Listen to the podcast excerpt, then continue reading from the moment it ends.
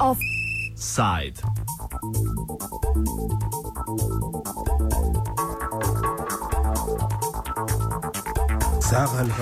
Kairo, egiptovska prestolnica, je danes in bo še jutri prizorišče sestankovanj ruskih in egiptovskih zunanjih ter obramnih ministrov. Za mizo so se usedli Sergej Lavrov, Sergej Šojgu na ruski in Nabil Fahmi ter Abdel Fattah el-Sisi na egiptovski strani.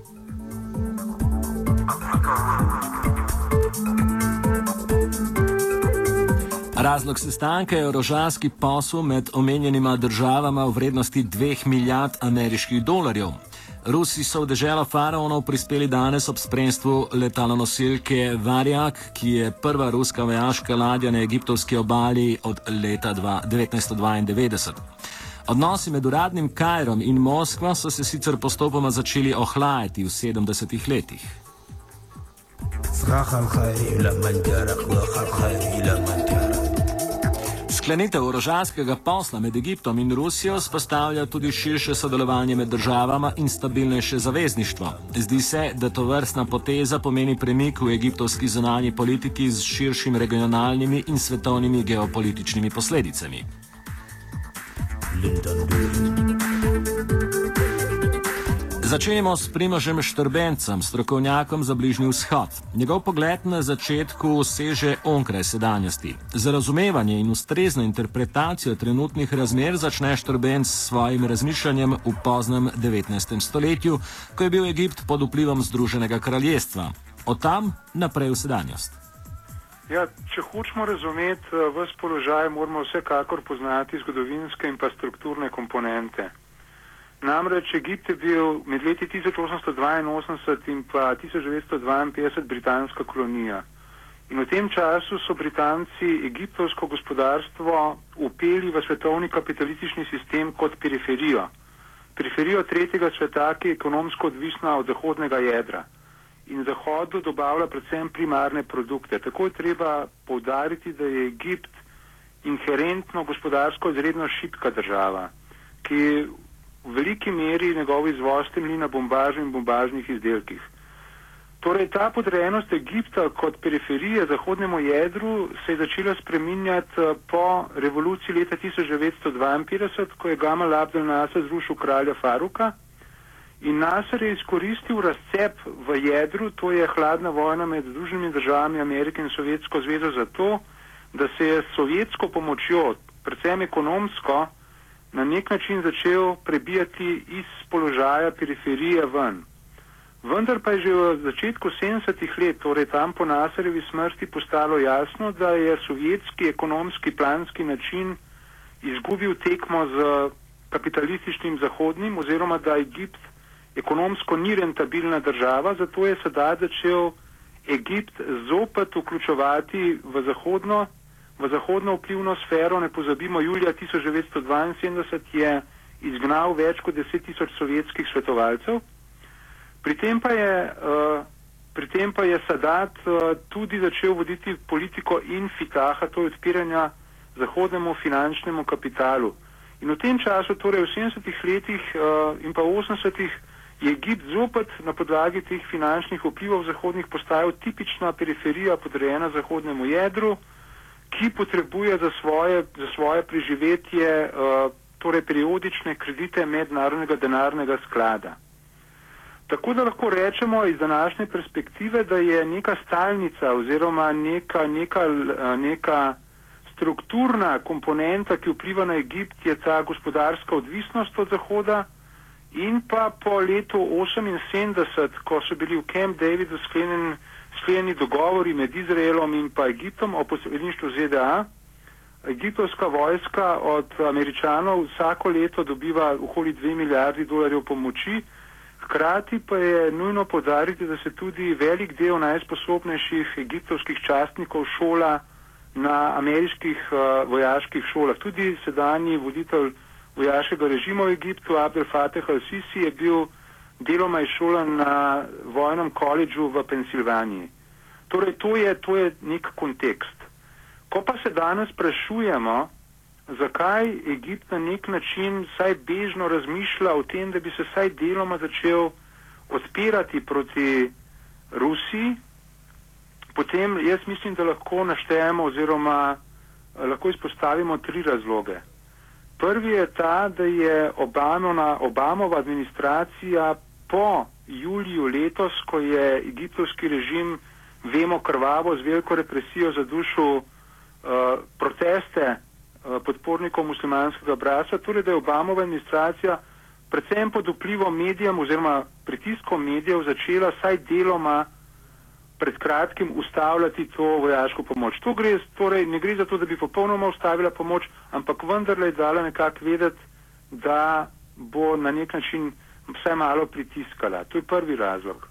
Drugi je ta, uh, da so v zadnjem času v Egiptu med pomembnejšimi družbenimi akteri torej vse bolj uveljavlja nek, neka ideja, da želijo ZDA v sodelovanju z Izraelom verjetno razbijati močnejše države Bližnjega vzhoda.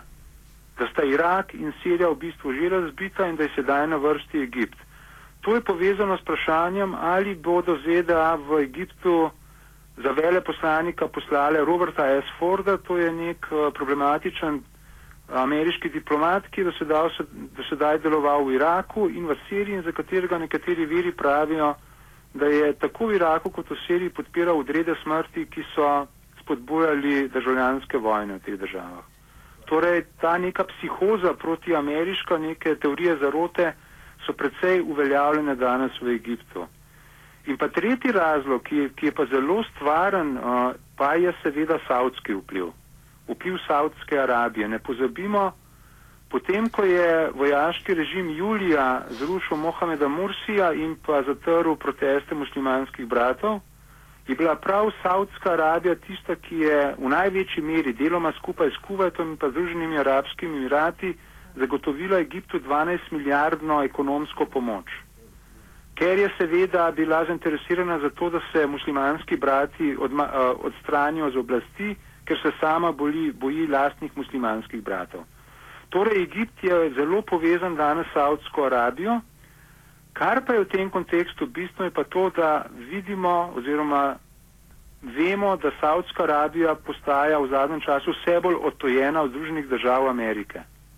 Torej, Saudici precej očitno protestirajo proti ameriški politiki, nedavno so celo zavrnili uh, nestalno članstvo v varnostnem svetu OZN, s, čimer so Združenim državam Amerike pokazali, da se zelo, zelo uh, distancira od njihove politike, seveda, kaj Saudice moti? Saudice moti prvič ameriško-iransko zbliževanje, ker Obamova administracija zadnje čase predvsej razmišlja o strateškem odpiranju do Irana.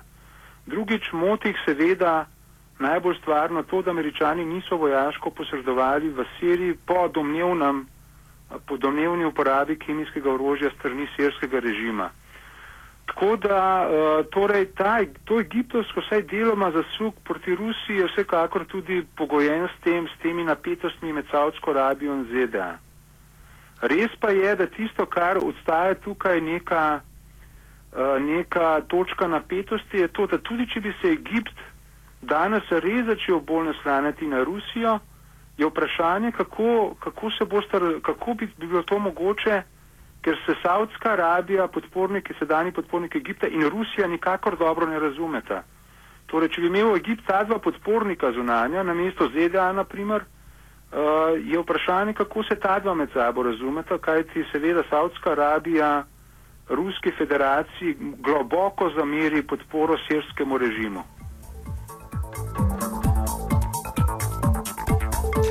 Blago je Grahovac, geopolitik in general iz Črne Gore, z nami deli svoj pogled na razvijajoč se odnos med Egiptom in Rusijo. Razmišlja o orožju, denarju, korupciji in mednarodnem sodelovanju. Skratka, o geostrategiji.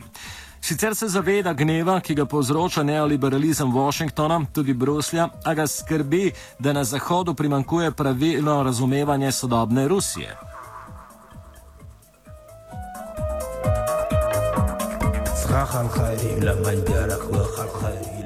Mi na sceni imamo danas e, velike geopolitičke igre, veće nego što su bile u posljednjih 50 godina. Zapravo u hladnom ratu nije bilo toliko geopolitičkih igara i geopolitičkih rizika kao što ima danas. Jer tad je bila jedna ravnoteža straha od oružja i ta ravnoteža straha je u suštini učinila geopolitiku dosta e, mrtvom ili tromom. E, međutim, e, otkako je hladni rat prestao da bude glavna prepoznatljiva geopolitička slika, imamo sasvim drugi slučaj, a to je organizovani kriminal i korupcija postaju najvažnije geopolitičko sredstvo danas na planeti. Organizovani kriminal i korupcija danas postaju i proizvođači, proizvođač tova turizma. To se, nažalost, nedovoljno shvata. I raspadom Sovjetskog saveza, Varšavskog ugovora i raspadom Sovjetskog saveza desilo se potpuno nova doktrina u politici Ruske federacije. Oni su ranije u svojoj doktrini imali u osnovi izvoz ideologije i oružja. I oni su svuda u izvozu ideologije i oružja nailazili na otpor.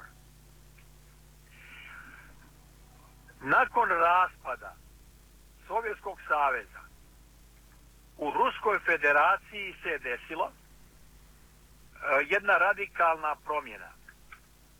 Preko noći narastao veliki broj tajkuna, a KGB koji se raspao je ostao i bez države i bez plate. I u novoj doktrini Ruske federacije spojeni su e, hrabri, okrutni KGB-ovci, a koji su osiromašeni. I novo nastali tajkuni koji su be, veoma bogati i veoma plašljivi. Spajanjem tajkuna i KGB-a nastali su oligarsi. I oni više ne izvoze ni ideologiju ni oružje. Oni izvoze prljavi kapital i nigdje više ne nailaze na otpor. Ruska federacija ima veoma opasnu doktrinu. Ona polako okupira velike prostore zemaljske kugle. Balkan je jedan od prostora gdje imamo okupaciju od strane e, Ruske federacije. Države sa pravoslavnim narodima su najveće žrtve te okupacije. Drugi prostor koji je u velikom riziku, prostor arapskog svijeta, gdje se dešavaju lančane revolucije. I Egipat je jedan od tih prostora koji može da bude žrtva.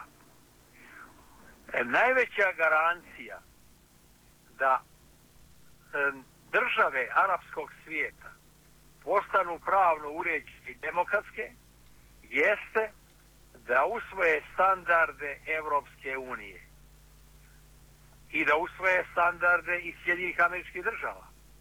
Ali opet imamo dva problema. Ruski oligarsi e, su razvili veoma jaku lobističku mrežu i prema Evropi i prema Sjedinjih američkim državama. Daju ogroman novac koji je iz sivih kanala plaćaju uticajne ljude i oni svoju politiku preko svojih lobističkih mreža veoma uspješno plasiraju i u Evropi i u Americi. Pa Egipat rekoh, koji bi trebao da bude e, faktor stabilnosti u, u e, arapskom svijetu, može postati prva žrtva. Jer ipak je Egipat tradicionalno bio vezan malo za Ameriku, a malo za Rusiju. I ta ravnoteža i Amerike i Rusije je održavala Egipat. Ukoliko Egipat se premjesti na stranu Ruske federacije, ta država će završiti u veoma dramatičnim ishodima. Ja mislim da ruski prljavi kapital koji se negdje registrovao na zapad vraća se na Balkan i vraća se u arapski svijet može postati e, najveći mogući rizik na planeti. Nesreća je u tome što Evropska unija i Sjedinjene američke države ne vide suštinu problema. Da je upravo prljavi kapital koji preko lobističkih mreža i uticajnih ljudi i u Evropskoj uniji i u Sjedinim američkim državama postao najjača armija danas Ruske federacije.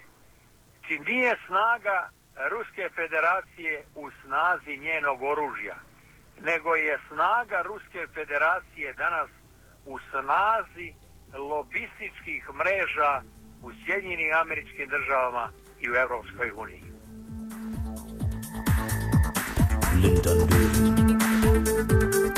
Primoš Trbenc doda svoj pogled na Rusijo in njeno politiko do sveta. Torej, sicer sam nisem specialist za Rusijo, ampak vendar lahko nekaj refleksij podam. Prvič, popolnoma se strinjam s tem, seveda, da sam Vladimir Putin in pa tudi njegova, njegova okolica je seveda močno KGB-evsko zaznamovana, to je res, ampak nikakor se pa ne bi strinjal s tem, da tudi oligarhi vodijo torej Rusijo. Ne pozabimo, človek, ki je Rusijo predal v roke oligarhom, je bil prejšnji ruski predsednik uh, Boris Jelcin. In tisto, kar se mi zdi bistveno povedati, je to, da ta Boris Jelcin je, je bil človek, ki pravzaprav padel na ruska kolena pred Zahodom. Da je vse čas popuščal Zahodu z, domnevno, z domnevnim uh, sprejemanjem vrednot človekovih pravic, tržne ekonomije. Vemo, da je uh, generiral šok ekonomijo, da je vse državna podjetja podal oligarhom in oslabil ruske interese v svetu. Torej, najmanj, kar je mogoče reči, da je Vladimir Putin vendarle Rusijo postavil na pot, ko ni zgolj neka dekla Zahoda, ko je zopet začela slediti nekim svojim nacionalnim interesom. Seveda pa Zahodu to ni všeč, ker iz korakov NATO in pa ameriških zaveznikov je razbrati, da se želi na nek način skleniti obroč okoli Rusije. Torej vemo, da revolucije v v Gruziji, pa v, v Kirgiziji in tako naprej, želja potem, da bi tudi Ukrajina postala članica NATO, torej da se zmeraj bolj zahodni vpliv širi k ruskim mejam. To ne pomeni, da seveda idealiziram Vladimira Putina, ima velik, velik greh v, v obliki agresije na Čečenijo, tako rekoč genocida na Čečeni. Ampak vendarle jaz mislim, da Vladimir Putin v zadnjem času legitimno zastopa ruske nacionalne interese v svetu, uh, svetu s tem, da kar zadeva pa Sirijo, je pa torej tlele seveda treba vedeti, da Rusija želi ohraniti vsaj nek vpliv na, na bližnjem vzhodu in to vidi predvsem prek delovanja v Siriji. Tam ima tudi, kot vemo, edino strateško pomorsko oporišče ob sredozemlju, to je Tartus. Vendar pa to ni edini razlog za rusko pomoč Siriji oziroma sirskemu režimu, namreč uh, Vladimir Putin se zaveda, da v primeru, če bi sirski režim padel in bi v, v Siriji prevladale džihadistične, radikalne islamistične skupine, potem bi se lahko ta, potem bi bila to močna islamistična zmaga, ki bi hitro lahko spodbudila simbolno in pa konkretno tudi islamistične sile na Kaukazu. In tega se seveda boji, Hkrati pa ne smemo pozabiti v ekonomskem smislu, da, da uh, Katar, Katar torej skuša skupaj s Turčijo zgraditi plinovod, plinovod in uh, na ta način ruši, ruši uh, načrtovan plinovod, ki naj bi ga gradili Iran, sirski režim in pa naj bi prišel ven v Libanonu do sredozemlja. Torej tudi Rusija vsekakor ni, ni naklonjena temu, da bi se ta katarski, katarsko-turški plinovod kot neka alternativa ruskim, ruskim plinovodom zgradil.